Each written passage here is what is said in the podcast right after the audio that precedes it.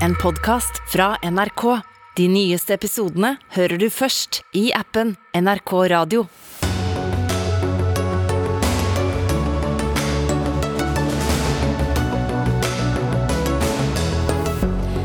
Hvor blir det av Norges plan for å se helse, klima og matproduksjon under ett, spør Gunhild Stordalen. Vi er opptatt av handling, ikke handlingsplaner, svarer regjeringa. Arbeiderpartiet polariserer når de snakker om vanlige folks tur, mener retoriker Kjell Terje Ringdal. Hadia Tajik beskylder ham for å karikere. USA pekte ut dagen i dag som dagen Ukraina skulle invaderes. Amerikanerne har bidratt til krigsfrykt, hevder en forsker. Og nå må likestillingsdebatten handle mer om menn, ber Mannsforum om. Der får de motstand fra kvinnegruppa Ottar. Og det er blant sakene i dagens Dagsnytt 18, i studio Sigrid Solund. Hvordan skal Norge sørge for en sunn og klimavennlig matproduksjon framover? Det er ikke godt å vite, for alt vi hører fra landbruksministeren er øredøvende stillhet, skriver du på NRK Ytring, Gunhild Stordalen. Du er lege og styreleder i EAT, som altså jobber for en bærekraftig omstilling av matsystemene. Og Du skal få utdype kritikken, men ta litt bakgrunn først, for du viser også i kronikken til FN-toppmøtet om bærekraftige matsystemer. Hva var det som ble sagt der?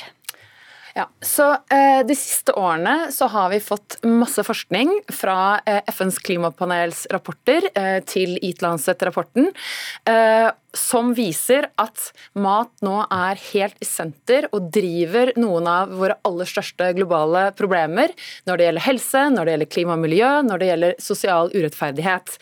Og at dersom vi ikke fikser mat innen dette tiåret, så har vi ikke nubbesjans til å, levere på bærekraftsmålene, og vi klarer ikke å avverge eh, global oppvarming over 1,5 grader.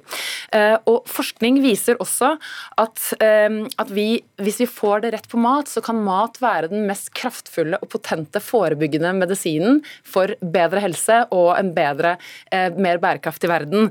Og Derfor så arrangerte da FNs generalsekretær Antonio Guterres i september dette første toppmøtet på matsystemer. Eh, som et resultat av dette toppmøtet så er det nå over 120 land rundt om i verden som har nå startet arbeidet med å lage strategier for sunne, bærekraftige og rettferdige matsystemer. Og Norge, tro det eller ei, som alltid pleier å være foran, eh, er ikke ikke blant de landene. Og Derfor lurer jeg på i dag, hva er det som foregår? Ja, Hva er det som foregår, Wenche Karen Westberg fra Senterpartiet, du er statssekretær i Landbruksdepartementet?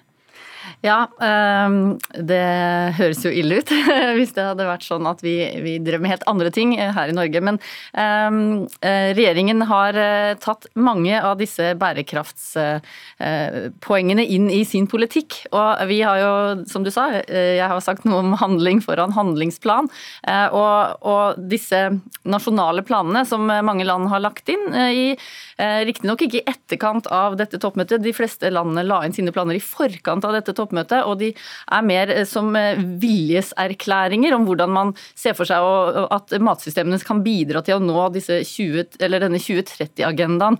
Og da mener jo vi at Hurdalserklæringen er er jo vår viljeserklæring om hvordan vi mener at bærekraftig matproduksjon kan bidra til å nå bærekraftsmålene. Så det er ikke noen plan om noen plan, da?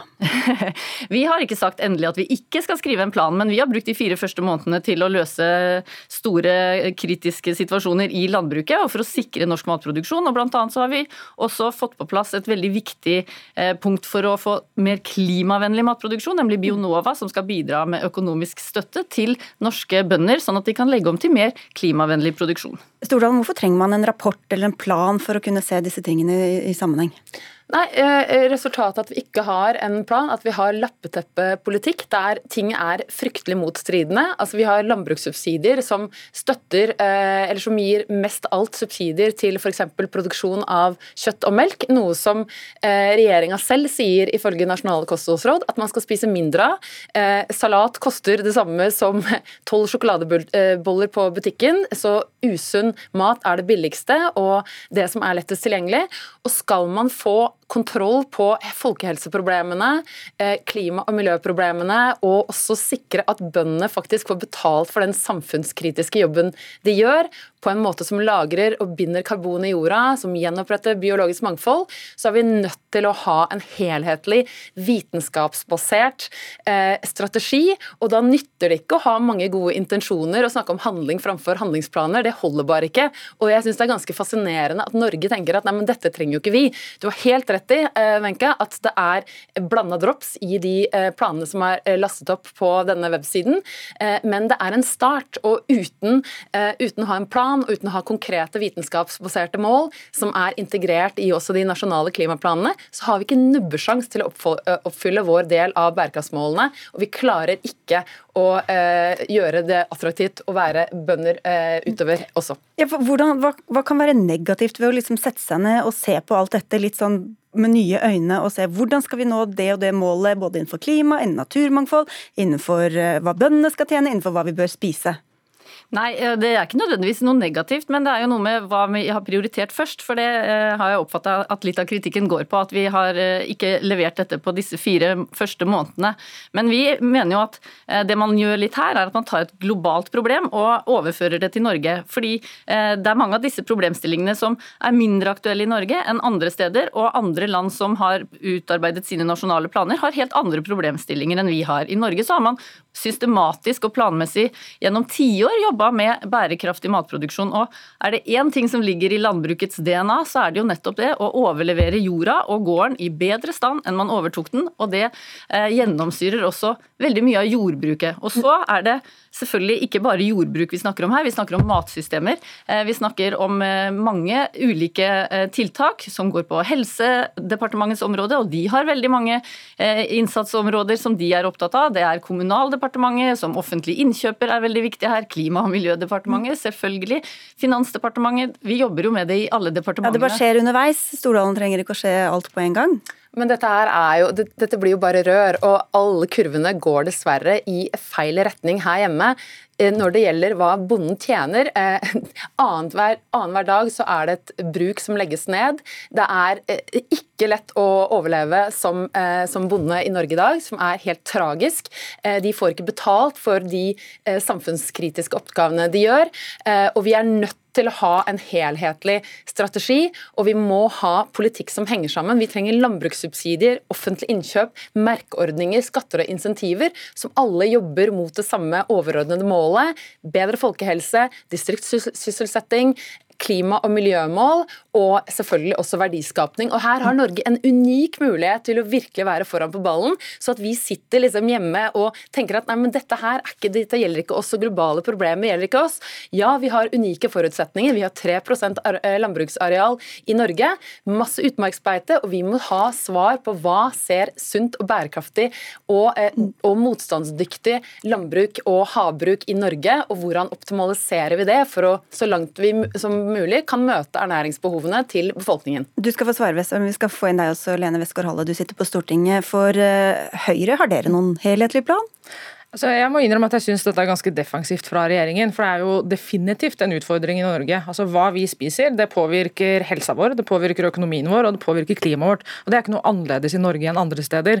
Det som er annerledes i Norge, er at vi har et veldig bra utgangspunkt. Altså, Vi er gode på ikke bruke masse antibiotika. Vi har allerede begynt å lage planer for veldig mye av dette her. Um, og akkurat den planen som Stordalen her ber om, har vi jo gjort f.eks. da vi satt i regjering på utenriksdelen eller utviklingsdelen. Um, og vi gjorde et ganske Hvorfor begynte dere i utlandet og ikke i Norge, da? Jo, Vi gjorde et ganske grundig arbeid opp mot det møtet som var i september 2021, og så ble det jo regjeringsskifte. Så vi eh, syns det er veldig interessant det hun foreslår. fordi det å få helhet, det helhetlige perspektivet på matsystemet i Norge tror vi er viktig.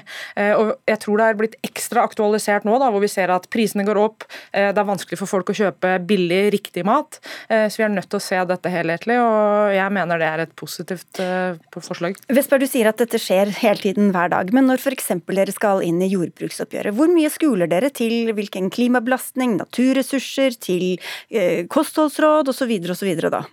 Nei, jeg tenker jo at Jordbruksoppgjøret er den årlige planen for eh, jordbrukets del av matsystemet. Eh, og eh, det er jo vi skuler til det, men ikke minst jordbruket selv skuler til det. Det er jo ikke sånn at de stritter imot. De har tatt på ledertrøya. De har som den første næringa inngått en forpliktende avtale med staten om en klimaplan, og det er offensivt. Og landbruket er med på dette, akkurat som industrien er det, og mange ulike deler. Men, men det som blir sagt om lønnsomhet her, er selvfølgelig også viktig, og det har vel aldri vært skrevet en mer offensiv eh, regjeringsplattform enn Hurdal-plattformen når det gjelder nettopp lønnsomhet i landbruket. Og Bærekraftsbegrepet har tre dimensjoner, og økonomi er en av dem. Og I Norge så er det helt avgjørende at det er økonomisk eh, lønnsomt å drive med matproduksjon, fordi vi har lav arbeidsledighet og muligheter til å tjene til livets opphold på mange andre måter hvis ikke det er lønnsomt å produsere mat. Men, det, men det, altså, dette her kommer ikke til å lykkes på noe som helst måte uten at det er klare vitenskapsbaserte mål for Norge og en helhetlig eh, handlingsplan som griper på tvers av de ulike departementene, eh, på tvers av hav og land, og at vi er nødt til å få dette arbeidet i gang. Og at dere sitter og sier at vi har liksom, eh, her har vi en bit her og her, her, har vi en bit der, det kommer aldri til å føre Men fram. Politikerne skal jo ta mange flere hensyn enn akkurat hva vitenskapen viser. De må ha, tenke ofte på andre Politikk ting. i hvert fall. Politikk må være basert på den beste forskningen Men vi har. Okay, hva hvis den vitenskapen vitenskapen viser at uh, da må vi slutte med kjøttproduksjon, eller at maten blir mye dyrere. Mm. Det er veldig bra at du stiller det spørsmålet. Vi skal overhodet ikke slutte med kjøttproduksjon, men vi må gå til det som er naturpositivt, regenerativt eh, eh, drift, der du har mye mer eh, beitedyr som er fôret på gressressurser. Det å tro at norske kuer spiser gress, det er en illusjon. De spiser 40% kraftfôr. Mye av det er soya fra Brasil. Norsk laks spiser mye soya fra Brasil. Og vi må se hvordan kan vi optimalisere med de unike naturressursene vi har i Norge, både på land og i vann.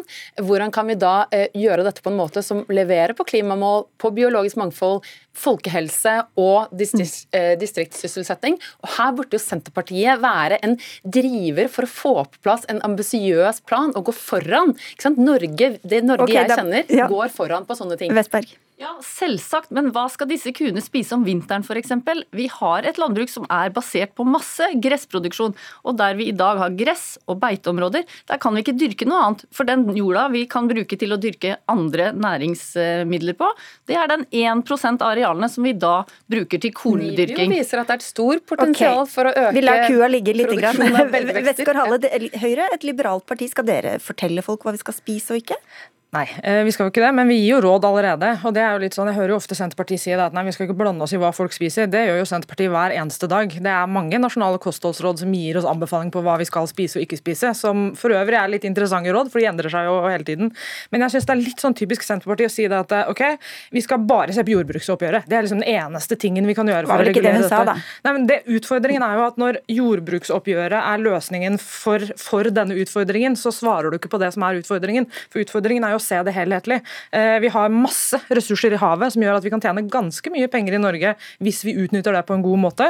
Det gjør vi ikke, og det bør vi gjøre. Vi har starta arbeidet med havpanelet som Erna ledet, eh, men der har vi en lang vei igjen å gå. På helse, jordbruksoppgjøret har jo ingenting med helse å gjøre. Eh, der er det veldig stort potensial som er uutnytta. Mm. Men aller viktigst for oss, som et liberalt parti, som du sa, er jo det at potensialet i markedet her er veldig stort. Altså Vi kan tjene penger og skape jobber. Og igjen da, Vestberg, hva, hva, er negativt ved å sette seg ned og tegne et sånt stort nytt kart og se på forskningen og sette ned noen kommisjoner til å se hvordan vi kan gjøre det? Nei, vi har ikke sagt at det er noe negativt i det i seg selv, men for det første så blir det nevnt her at vi må ha en kunnskapsbasert og vitenskapsbasert eh, politikk, og det er jo vi veldig tydelige på. Men vi mener at den kunnskapen og den vitenskapen den må ta utgangspunkt i de norske forholdene. Vi må se ut av vinduet og se hva vi har mulighet til å produsere i Norge. Og f.eks. nøtter og belgvekster, hvor skal vi produsere det hvis vi skal produsere mer av det. Eh, helsemessig og kostholdsmessig sikkert veldig fornuftig, men vi har eh, den jorda vi har og kan bruke den til det vi kan.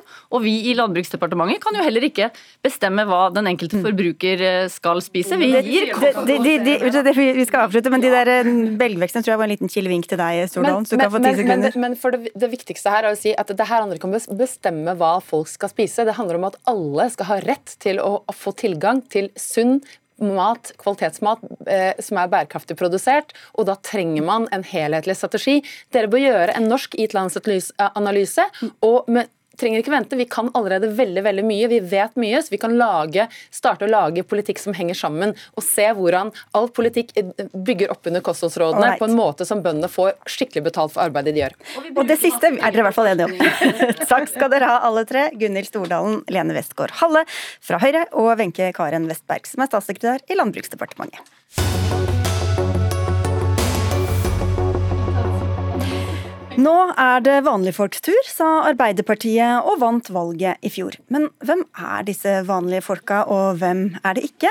Dette uttrykket og dette skillet fører til politisk mobbing av grupper som regjeringa ikke liker, skriver du på NRK Ytring, Kjell Terje Ringdal. Du eh, presenterer deg som førstelektor i retorikk, leder av Washington-seminaret og Arbeiderparti-velger.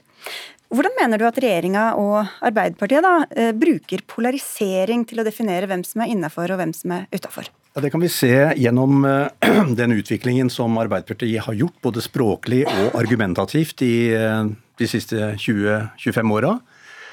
Fordi Arbeiderpartiet har altså vært den ubestridte samfunnsbyggeren i, i, dette landet.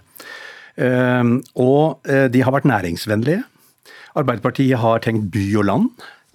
Eh, de har snakket om å skape og dele. Og de har altså hatt det flotte slagordet 'alle skal med'.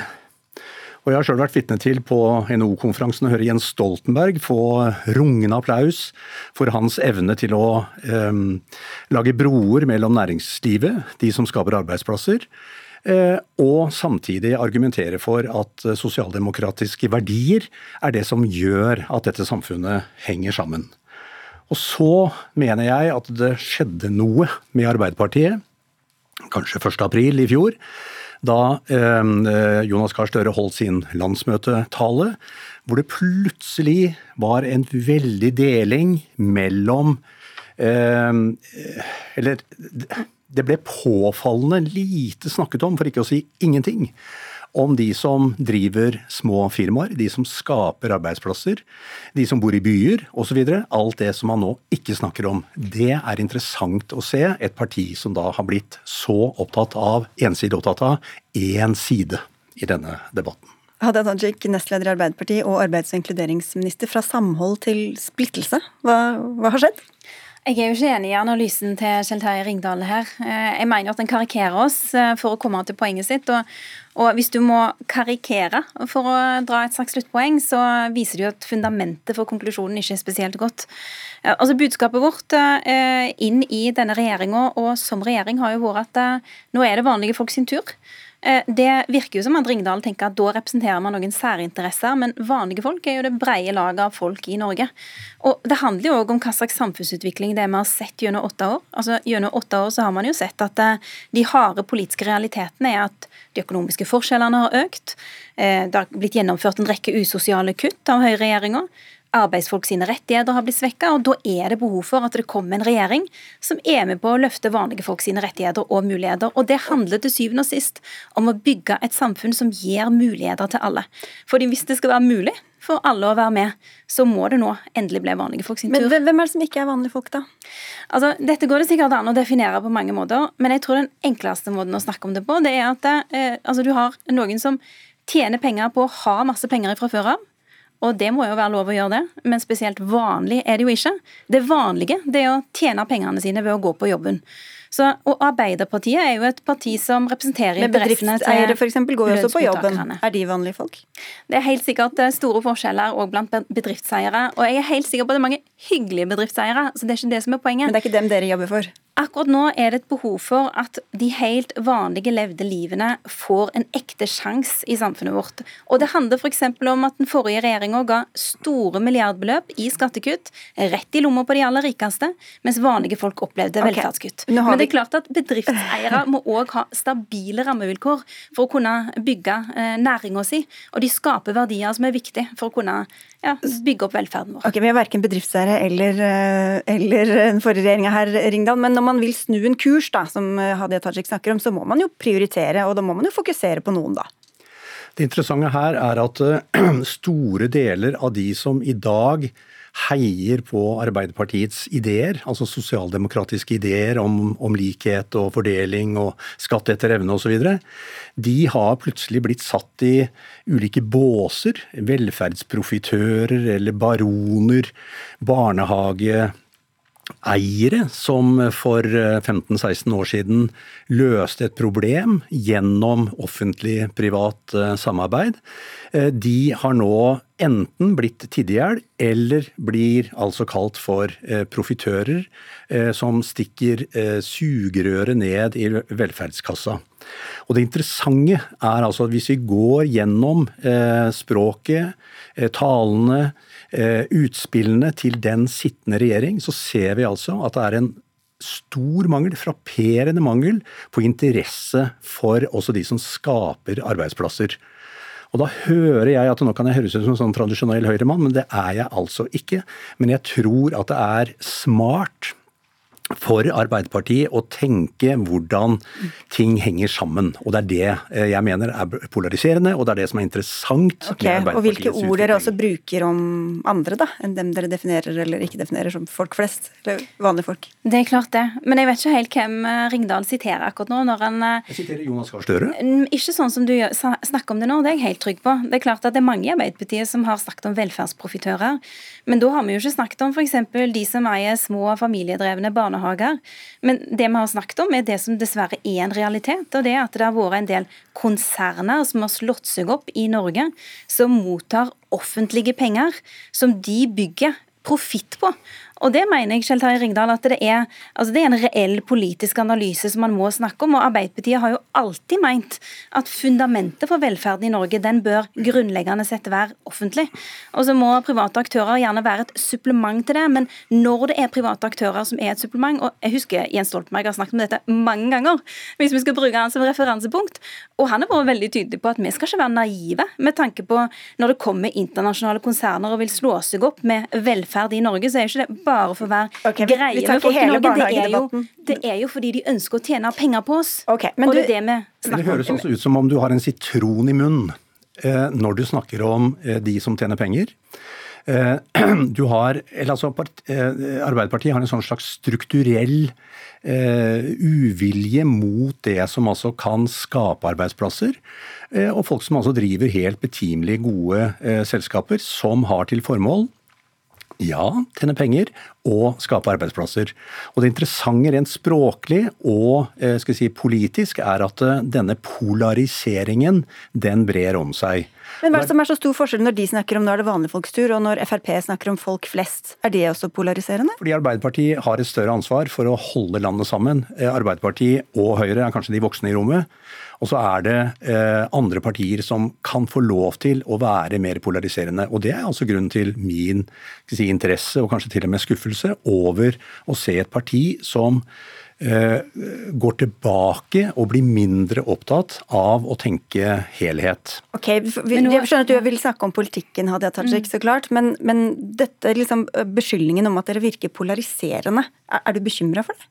Jeg er mot polarisering, men jeg er for at man snakker sant om det man vil. Jeg tror ikke det er fornuftig å tåkelegge reelle politiske forskjeller. Og det er reelle politiske forskjeller mellom den retninga som Høyre har tatt landet i i åtte år, og den retninga som vi ønsker for Norge. Og vi ønsker jo å investere mer i sosial rettferdighet. Fordi det grunnleggende sett ikke bare er bra for den enkelte, det er det jo, men det er òg bra for oss som samfunn. Det øker tilliten, det øker produktiviteten, det sørger for at vi har et lågt konfliktnivå i arbeidslivet vårt. Så det er en gevinst jeg si, for vanlige folk, men òg for oss alle sammen. Og så er jeg ikke enig i det Ringdal sier om at vi ikke er næringsvennlige. Vi har jo en enorm industrisatsing. Den forrige regjeringa hadde jo ikke noe som ligna på det. Det mye forrige regjeringen, men, men, men, tror du at de føler seg velkomne, de, de i næringslivet som Ringdal er bekymra for, da? Altså, Jeg håper jo at alle som er opptatt av rettferdighet og av arbeid, at de skal eh, kjenne seg velkommen i Arbeiderpartiet. Det er i hvert fall en del av oppdraget mitt og alle oss andre som har ledende verv i det partiet. Eh, men for å på en måte fullføre poenget om at vi er tydelig næringsvennlige, fordi vi må jo skape verdier for å kunne finansiere velferden vår, og vi har en veldig klar ambisjon om å øke fastlandseksporten med 50% fram mot 2030. Så det underbygger jo poenget mitt om at vi må jo skape verdier for å kunne få til den sosiale rettferdigheten eliten som er ute etter. Og da må det, Ringdal, Ble vanlige folk sin tur. Da var vi både innom det ut som Jens Stoltenberg skape og dele, okay. hvilket du- var en mye uh, mer sympatisk tilnærming til hele dette problemfeltet. De som vil lese dere begge, kan gå inn på nrk.no ytring. Takk skal dere ha for at dere tok debatten her i Dagsnytt 18. Hadia Tajik fra Arbeiderpartiet og retoriker Kjell Terje L. Ringdal, førstelektor.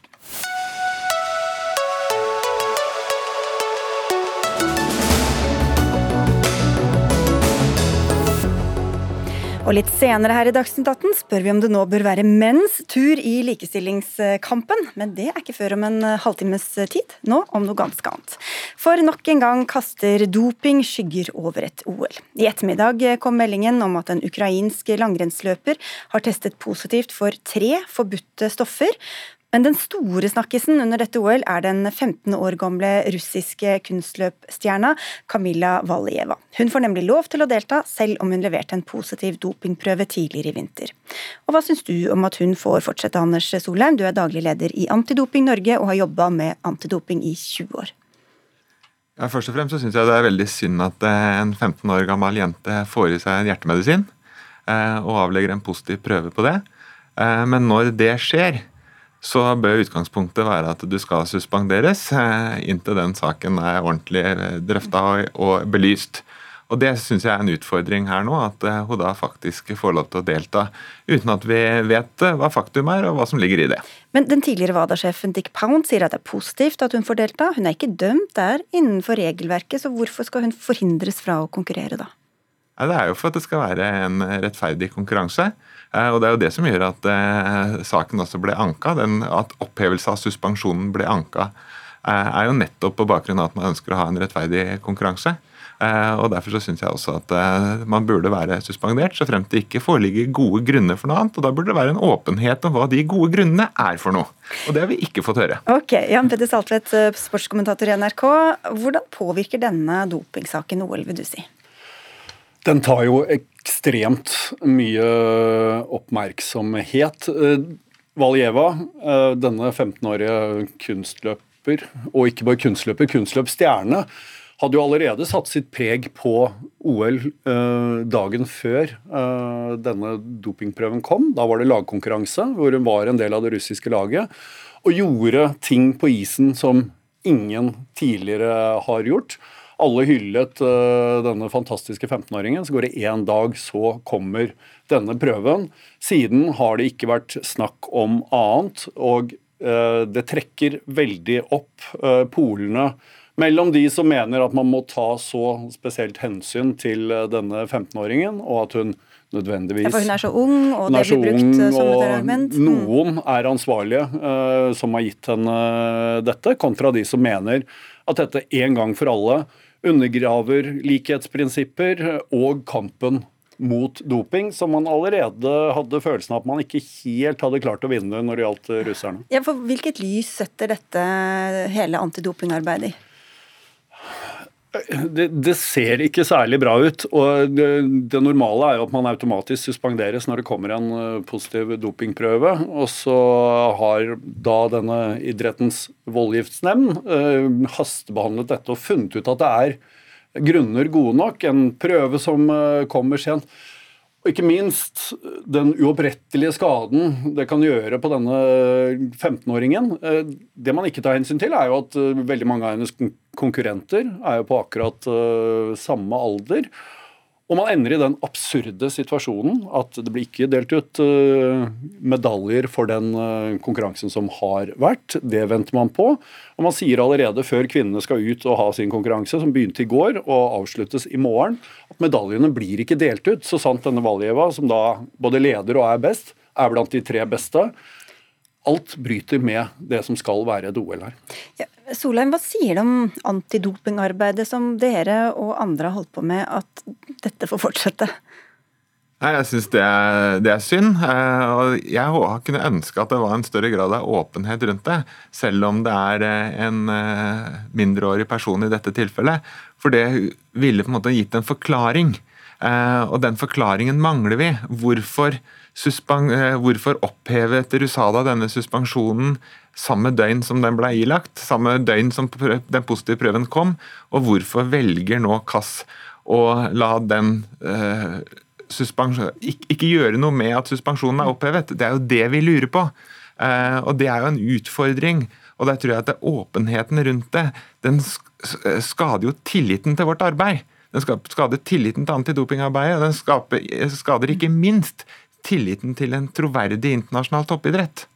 Og dette er jo da uh, russerne, altså Du har sagt at russerne slipper for billig unna i dopingsaker. Hvordan gjør de det?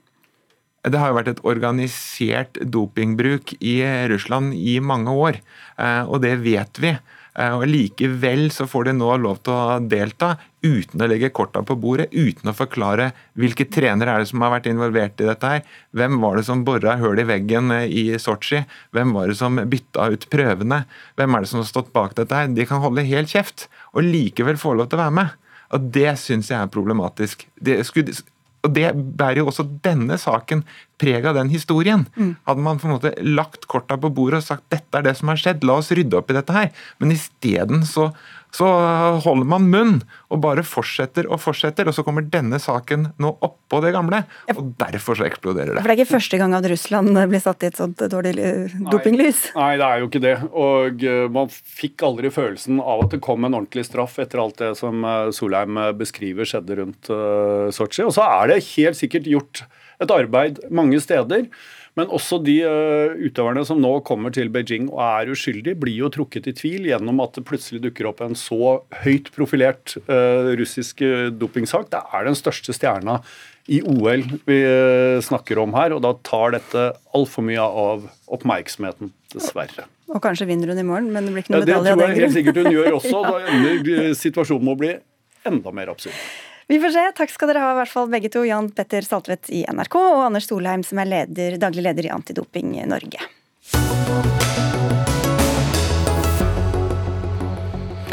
I dag sitter Nato-alliansens forsvarsministre samlet i Brussel på det som eh, ble sagt å være skjebnedagen for eh, Ukraina.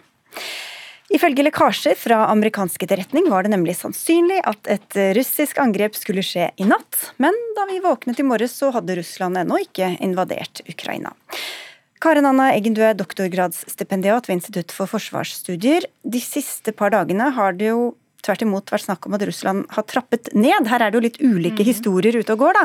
I dag kunngjorde de at de også militærøvelsen på Krimhalvøya avsluttes. Betyr det at vi skal stole på at ikke det ikke er noen fare for invasjon de nærmeste dagene? Nei, Faren for invasjon er nok eh, der fremdeles. Du skal jo så klart være litt skeptisk til det med tall og datoer, som vi har hørt mye om nå i det siste. Men situasjonen på bakken har jo ikke endra seg. Det er lite som tyder på at de faktisk har trukket tilbake eh, styrker og eh, utstyr. De stilte jo en del ganske urealistiske krav før jul. De her har de jo ikke fått innfridd. Uh, og de har jo hele tida underveis, uh, mens de har trappa opp og sendt styrker og utstyr til grensa, så har de jo hele tida sagt at vi har ingen skumle hensikter med det her. Men det er den største styrkeansamlinga uh, i Europa siden slutten på den kalde krigen. Og det er vanskelig å ikke se det som en trussel mot Ukraina. Og som en, et pressmiddel for å oppnå sine sikkerhetsmål i Europa. Og det at denne militærøvelsen er avsluttet, det har historien vist oss at det ikke er noen garanti for at en krig ikke blir noe av. Det er ikke en garanti. Eh, vi har òg eksempler på at Russland har avslutta store øvelser, eh, sendt tropper tilbake for så lynraskt eh, få de på plass igjen. Georgia 2008 er jo et eksempel på, på det her. Um, og så er det jo, En ting er jo de styrkene som er i, eh, på øvelse i Hviterussland nå, f.eks., men du har jo masse styrker som på en måte bare er langs grensa òg, til uh, Russland-Ukraina. Uh, jeg tror det blir interessant å følge med nå framover uh, hva, skjer, og som også skjer med de styrkene i Hviterussland når den fellesøvelsen avsluttes 20.2. Men dagen i dag var altså pekt ut som invasjonsdagen. Ehm, Nato-sjef eh, Jens Stoltenberg sier i dag at de ikke har sett noe til noen nedtrapping. Tormod Heier, forskningsleder ved Forsvarets høgskole, du har sagt at USA har bidratt til å hause opp krigsfrykten. Hva er det USA har gjort for å gjøre det? Nei, Jeg mener jo at eh, den eh, måten amerikanske og forstått også britiske myndigheter aktivt har brukt de hemmelige tjenestene sine Eh, som et sånn talerør gjennom de store mediene for å eh, advare så tydelig mot et nært forestående angrep som ikke nødvendigvis vil komme. Det har nok bidratt til kanskje for mange andre land i Vest-Europa, f.eks. Tyskland og Frankrike, og gjør det vanskelig å fortsette med krisehåndteringen på en måte som ikke bidrar til økt spenning. Fordi når denne formen for kommunikasjon blåses ut i, på hele kontinentet, så øker mistroen, og så øker mistenksomheten, og så eh, forsvinner enda mer av den lille tilliten som eventuelt måtte være igjen. Og Da blir det enda vanskelig å få til dialog og holde de kanalene som er så avgjørende at vi klarer å holde oppe for å holde dialogen i gang.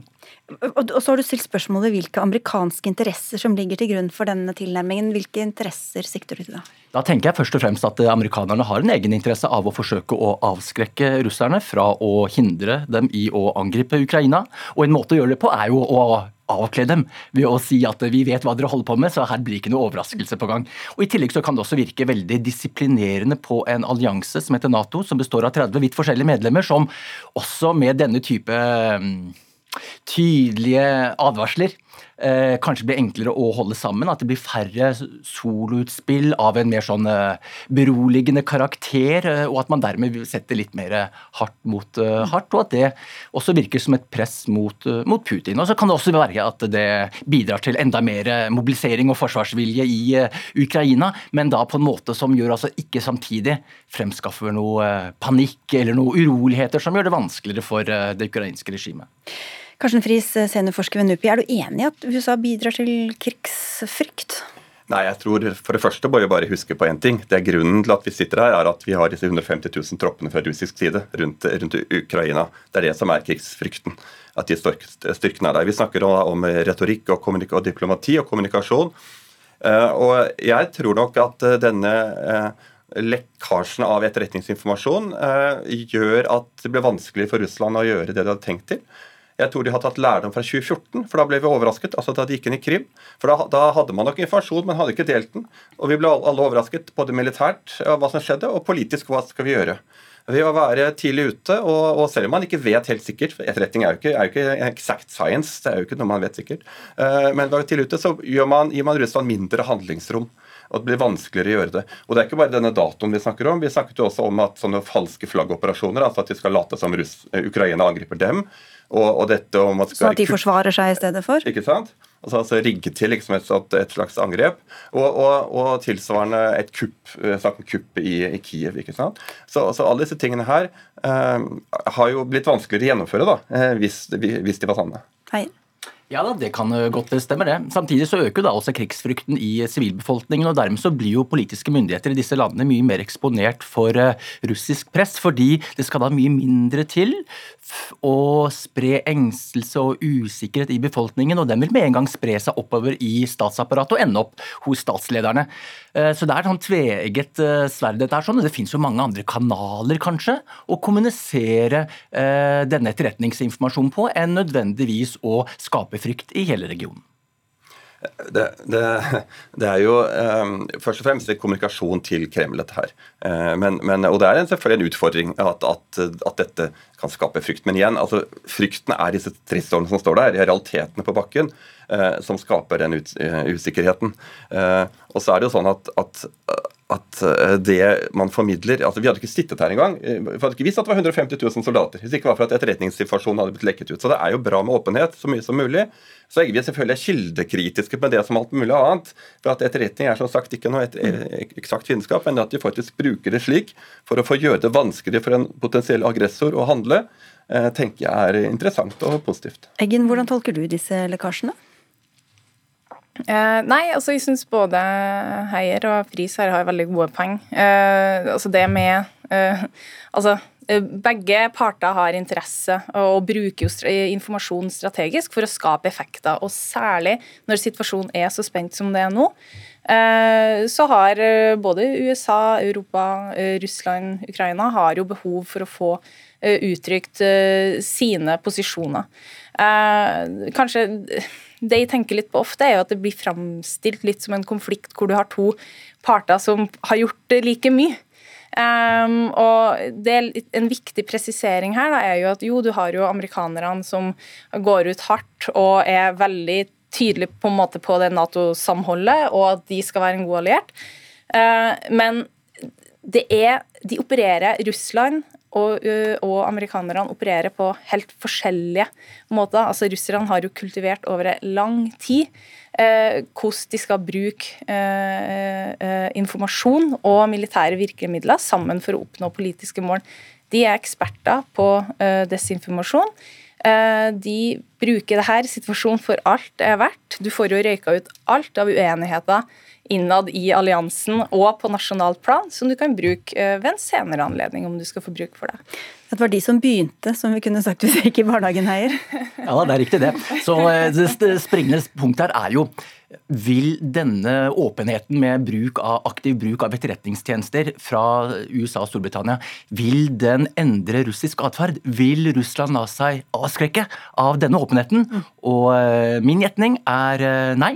Og den finner jeg støtte i sjefen for Etterretningstjenesten, som for et par uker siden vel sa at de fremdeles er usikre på om dette har noen effekt i det hele tatt. Det venter å se, men det er iallfall et veldig nytt fenomen, dette her, som, som, det er verdt å stusse litt ved, spør meg. Ja, for kanskje det også virker mot sin hensikt, Friis, eller? Altså, Vi vet jo ikke uh, verken hvor god etterretningen er, hvor sterke indiser de har, og, og, og, hvilken effekt det har. og Det vil vi kanskje aldri få vite. Men, men samtidig så syns jeg at, at uh, sannsynligheten for at vi gjentar noe sånt som skjedde i 2014, at vi ble tatt helt på senga altså Man sier jo nå at moderne kriger er vel så mye informasjonskriger. Det handler om å vinne liksom narrativet. Og det å være proaktive og, og begrense den andre sidens handlingsrom er viktig. Så, og, og, klassisk, Det vi gjør alltid har vært liksom å ha sånn faktasjekkere etterpå som sier at å nei, det var feil, det som ble sagt. Men da er det liksom for seint. Så nå er man proaktiv og tidligere ute og begrenser andres handlingsrom. Det, var, det, kommer i hvert fall stadig veldig motstridende meldinger, avhengig av hvem man spør. Så ses nok vi aldeles snart igjen, eh, alle sammen. Takk skal dere ha, Karen Anna Eggen, som er doktorgradsstipendiat ved Institutt for forsvarsstudier, Tormod Heier, forskningsleder ved Stabsskolen og Forsvarets høgskole, og Karsten Friis, seniorforsker ved NUPI.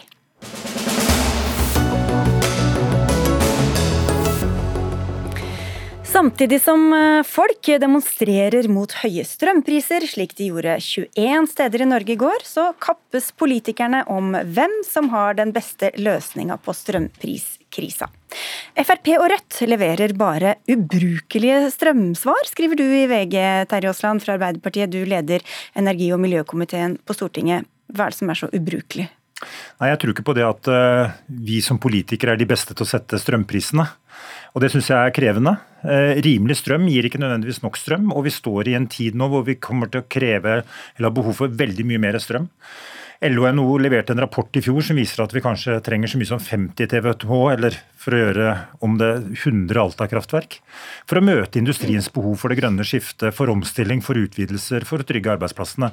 Og Da er ikke Rødt sine svar i energipolitikken eh, veldig verdifulle. For de har egentlig ingen energipolitikk og sier nei til de fleste tiltakene. Og det tror jeg er utfordrende i tida framover. Så derfor må vi ha en veldig tydelig tilnærming til at vi må ha uh, mer kraft, og sørge for at vi gjennom mer kraft får rimelig kraft til både industri og husholdninger. Og da angriper du både da forslaget om en makspris på strøm, pluss uh, hvor, hvilke strøm, energikilder de egentlig ønsker.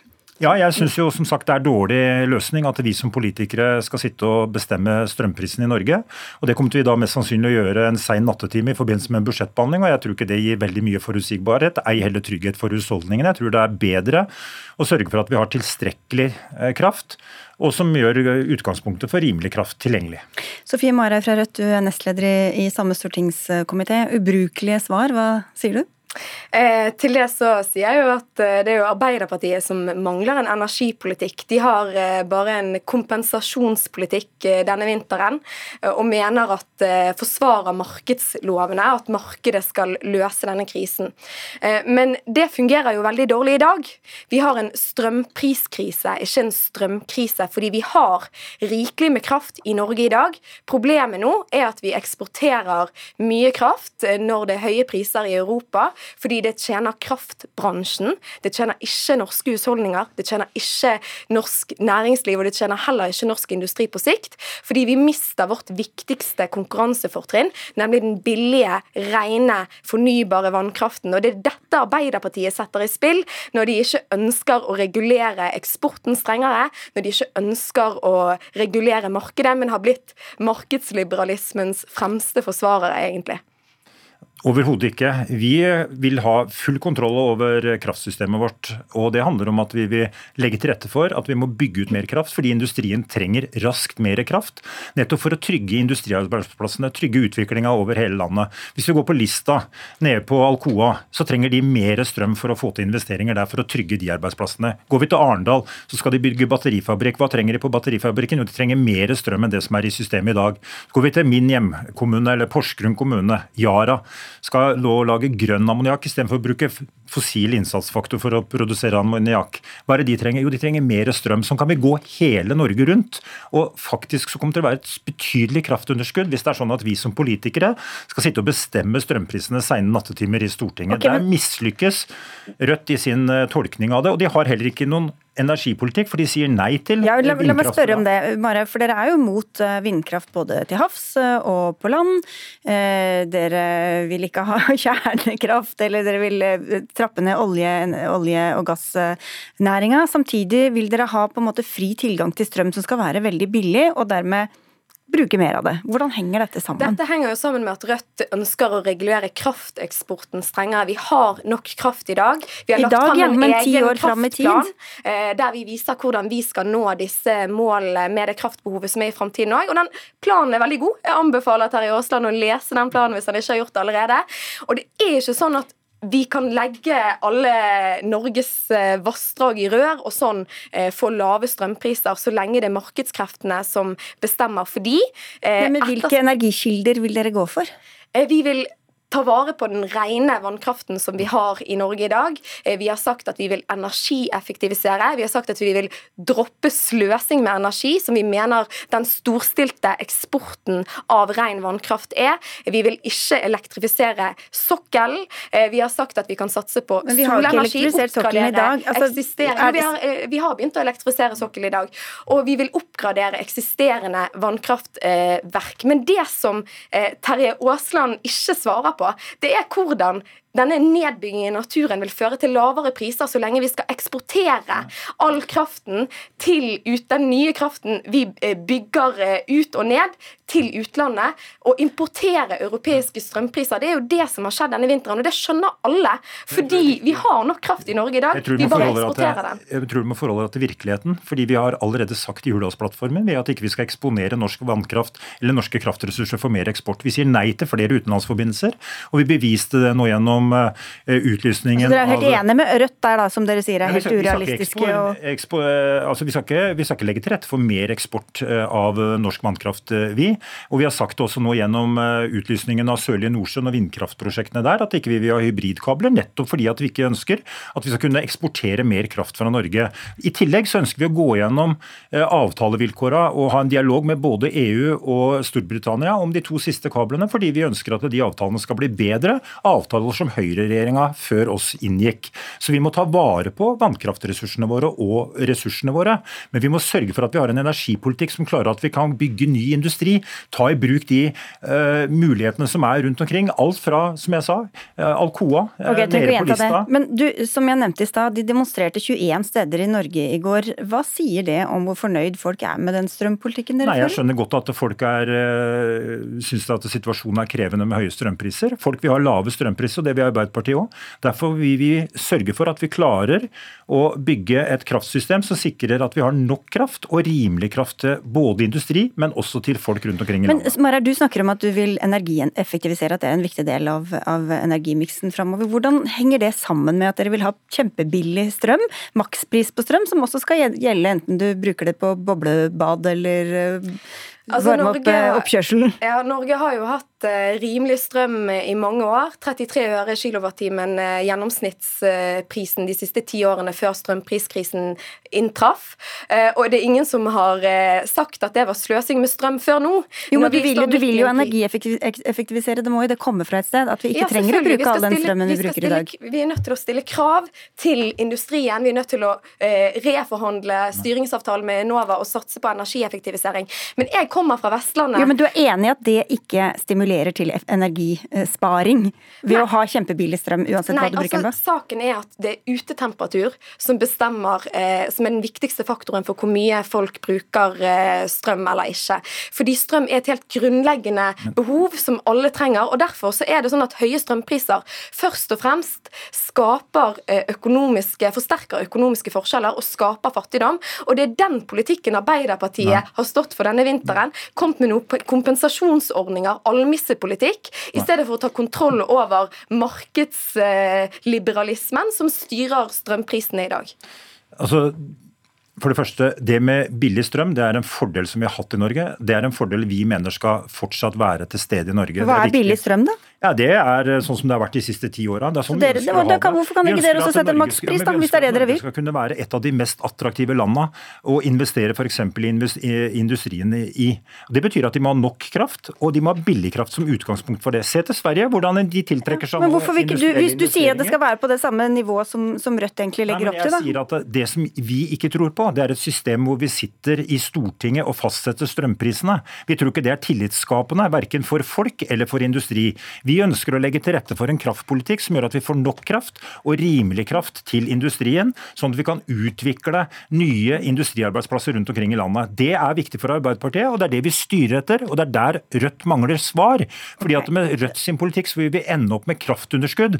Og i verste fall da så må det være sånn at vi skrur av bryteren for å redde enten Da eh, industrien eller andre. Må du svare i løpet av fem sekunder, Sofie Marhaug? Ja, altså Jeg kan fortelle Terje Aasland at de er bekymret i Odda, Høyanger, Årdal. Karmøy, Husnes, alle de stedene der de er avhengig av billig, ren kraft, fornybar kraft. Mhm. Fordi NVE sier at prisene kommer til å fortsette å holde seg høye eh, hvis ikke vi Hvis ikke som politikere faktisk gjennomfører en sosialdemokratisk politikk som Rødt står for, og som Arbeiderpartiet har forlatt for lenge siden. Skal dere ha begge to, Sofie Marhaug fra Rødt og Terje Aasland fra Arbeiderpartiet.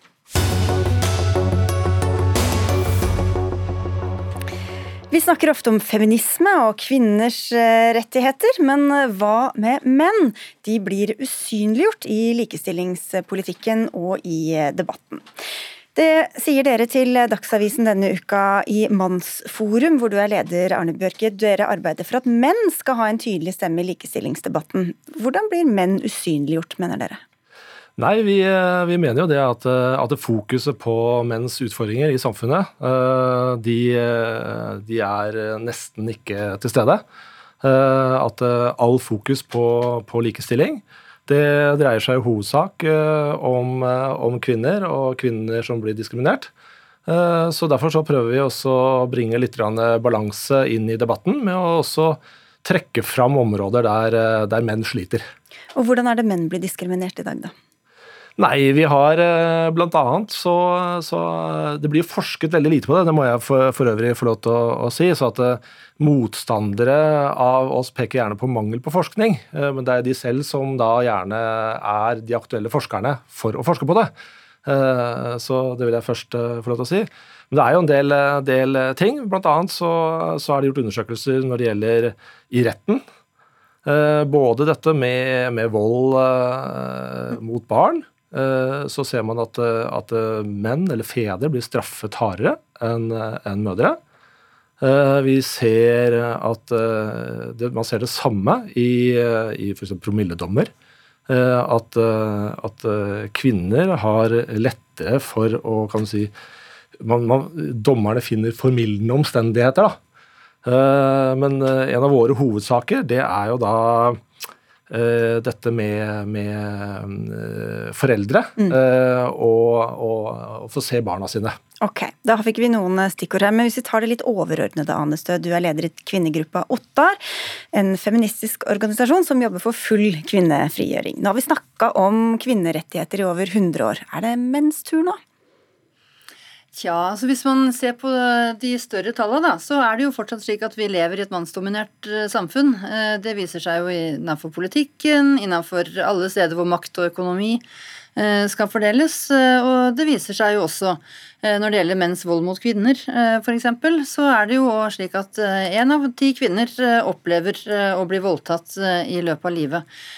Så ja, jeg syns jo Mannsforum her snur ting ganske godt på, på huet. Altså de store strukturelle tingene tilsier at det fortsatt er et mannsdominert samfunn, og da må man jo ha noen tiltak for å bringe eh, fram likestilling. Og det er jo det likestillingspolitikk handler om. Bjørke? Ja, nei, jeg, eh, jeg, hører hva hun sier, og så er det kvinner blir også diskriminert i dag. Eh, jeg ønsker ikke også kan du si, gå inn i en debatt om hvem som har det verst. Eh, som jeg sa til å begynne med, så mener vi at, at fokuset på menn som har utfordringer, menn som blir diskriminert, er for dårlig. Det, det blir ikke fokusert på det hele tatt. Eh, menn som ikke får se barna sine. Mm. Eh, det er nesten ikke-eksisterende. Bortsett fra siste året har det begynt å komme, etter flere års målrettet arbeid fra oss. Eh, så, så, har det vært ikke-eksisterende debatt om at det er titusenvis av barn som ikke får se fedrene sine uh, i dag. Ja, hvorfor er ikke dere opptatt av dem, Anne Stø?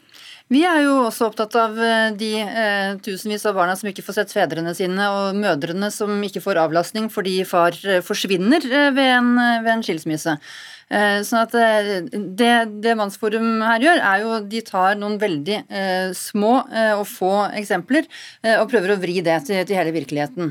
Men vi veit jo, når vi, når vi, ser på statistikken, så er det et større problem faktisk at, at menn forsvinner ut fra barnas liv. Men er det en konkurranse det her, da? Kan man ikke se at liksom, kvinner blir diskriminert på noen områder, og så blir menn diskriminert på andre områder? Det, det, kan du si. Altså, og så, så, tenker vi at eh, det, det, som vi må ha fokus på, det er jo eh, samfunnsordningene og, og hva, som er, eh, hva som kan bringe fram eh, likestilling. Jeg tror at mange av, av de eh, poengene som Mannsforum eh, tar opp Det er klart at det er mange menn som har utfordringer, men skyldes det mangel på likestilling, eller er det andre utfordringer som, som disse mennene har? Uh, og det føler jeg jo at dere virkelig altså, ikke har et, et at, at Når det kommer til menn, så er det mennenes egen feil, men når det er kvinner som blir diskriminert, så er det samfunnet og strukturene som Ja, ja kommenter ja, eh, det. Det Ane sier er jo direkte feil, for det har NOVA gjort en undersøkelse på. Uh, og, og der blir spurt Eh, mennene blir spurt, de som ikke ser barna sine vanlig måned, om, eh, om, hva som er årsaken. Eh, og det er under 10% av de som ikke ser barna sine vanlig måned, som gjør det av eget valg. Så å si det at, at det er en, like mange menn som, som rett og slett ikke bryr seg om barna, det, det viser statistikken er direkte feil. Eller ta dette med lønn og arbeidsliv, da, f.eks. Eh, her har vi jo nå jobba for å få likelønn i, eh, ja, i, snart 100 år. Eh, og likevel så er vi nå langt fra, fra likelønn i dette samfunnet. Menn tjener mer, de bestemmer mer, de eier mer. Og det er jo det er noe som man faktisk kan og bør gjøre noe med. Individers utfordringer må man jo løse på et annet nivå. Men hva hjelper det menn som faller utenfor av å se at andre menn gjør det kjempebra? Nei, det er jo ingen trøst, eh, ikke sant. Altså, eh, og det at vi sier at, det et, at vi lever i et mannsdominert samfunn, det betyr jo ikke at alle menn dominerer alle hele tida, og at alle menn eh, går seirende ut av, av, dette. Og det er klart at det er mange menn som ikke opplever at de er på det vinnende laget her. Og de har Eh, de har utfordringer som handler om ja, det kan handle om klasse, det kan handle om eh, altså, manglende utdanning eh, osv. Eh, det kan også handle om pornobruk, og at man har problemer med å skaffe seg en, en, partner fordi man bruker for mye tid på å sitte foran skjermen. Og, ja, men, ja, okay. ja.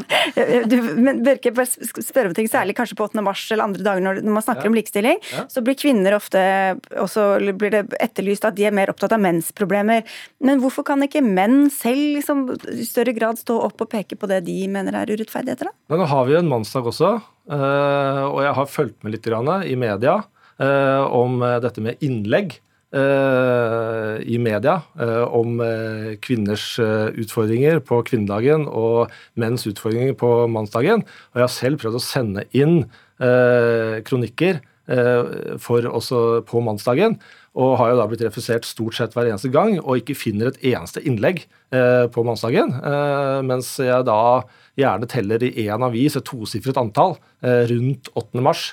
om kvinners utfordringer, mens, mens man ikke slipper til med ett innlegg engang på mannsdagen. Og da er det jo veldig bra at eh, den norske kvinnebevegelsen eh, har jo eh, tatt likestillingen på sine skuldre på vegne av både menn og kvinner. Vi har jo f.eks.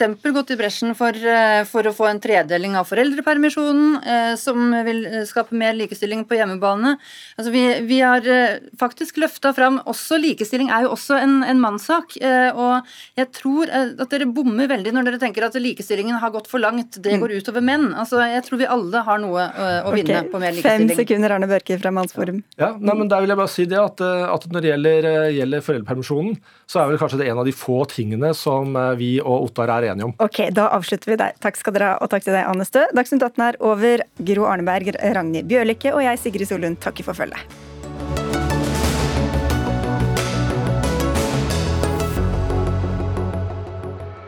Du har hørt en podkast fra NRK. De nyeste episodene og alle radiokanalene hører du i appen NRK Radio.